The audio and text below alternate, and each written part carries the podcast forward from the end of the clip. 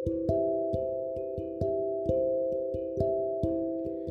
semuanya, selamat datang di podcast gue Buat yang belum kenal, gue Syifa Dwi Nur Halim dari kelompok 131 Prodi Teknik Lingkungan. Sebelum mulai, gue mau mengingatkan kalian semua untuk mematuhi aturan protokol kesehatan di masa pandemi sekarang ini. Dengan memakai masker,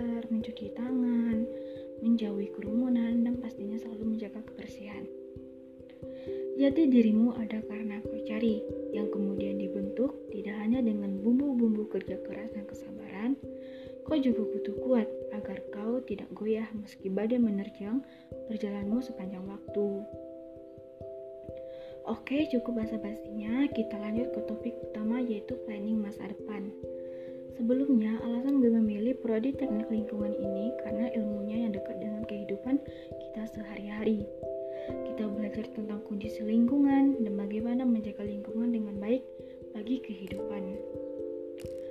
Prodi ini cocok untuk laki-laki maupun perempuan. Selain itu, prodi ini juga memiliki peluang kerja yang sangat luas. Ngomong-ngomong soal peluang kerja yang luas, gue punya satu rencana nih buat diri gue yang ke depannya, yaitu menjadi pegawai di BUMN. Gue pengen bekerja di Kementerian Lingkungan dan alasan, tapi itu yang gue cita-citakan.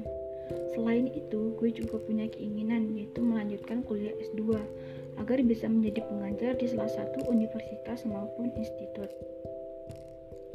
Gue juga punya tujuan lain yaitu punya kontribusi buat masyarakat luas dengan mengajarkan masyarakat tentang pentingnya merawat lingkungan dengan baik dan tidak membuang sampah sembarangan, tidak melakukan penebangan pohon, dan mengajak masyarakat untuk melakukan reboisasi.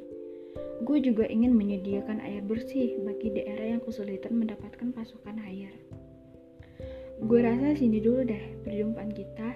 Sebelum undur diri, gue mau ngucapin terima kasih dulu nih buat semua pendengar gue karena udah mau dengerin podcast gue sampai akhir. Mohon banget kalau masih berantakan karena ya ini podcast pertamanya gue.